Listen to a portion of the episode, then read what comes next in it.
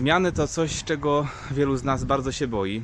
E, Poznajemy nowe tereny, odkrywamy nowe jakieś e, przestrzenie w życiu, ale też e, czasami jak ktoś musi się przeprowadzić, zmienić miejsce zamieszkania, zmienić tryb życia, coś w czym już byliśmy, jakieś utarte tory, dają takie poczucie bezpieczeństwa, że jedziemy właściwym torem. Chociaż okazuje się, że nie zawsze tory mogą wieść we właściwą stronę. Zmiany są bardzo potrzebne i taką e, zmianę przeżywali apostołowie.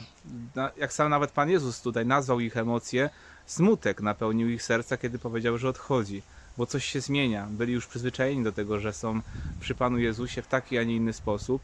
A Jezus mówi o swoim odejściu, Jezus mówi o jakimś paraklecie, którym e, nie wiadomo kim on w ogóle jest.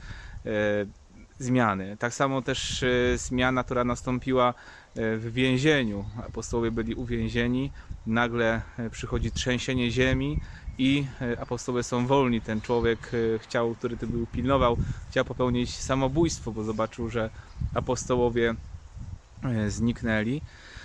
Na trzęsienia ziemi życiowe, e, na e, zmiany e, warto, warto reagować w taki sposób, jak nas zachęca dzisiaj Pan Jezus, żeby zaufać Bogu i dać się poprowadzić.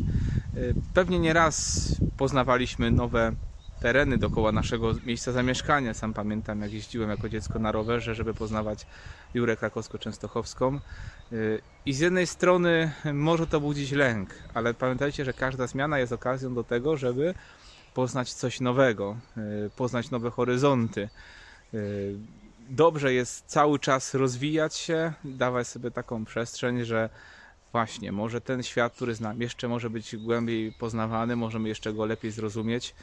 Nie bójmy się zmian, chociaż y, mam świadomość tego i sam czasami, jak myślę o zmianach, że coś, coś ma się zmienić, coś muszę zrobić, jakoś ten smutek, lęk się może pojawić, bo to ludzkie. Ale dzięki zmianom możemy pójść dużo dalej, możemy jeszcze głębiej poznać samych siebie, poznać Pana Boga przede wszystkim i jeszcze bardziej być szczęśliwym. Więc na to kroczenie za Jezusem, który zmienia nasze życie nieustannie, Yy, jeżeli z Nim będziemy kroczyć, to będzie na pewno dobrze. Yy, Przyjmijcie Boże błogosławieństwo. Niech Cię błogosławi Bóg Wszechmogący, Ojciec i Syn, Duch Święty. Amen. Z Bogiem i Pa.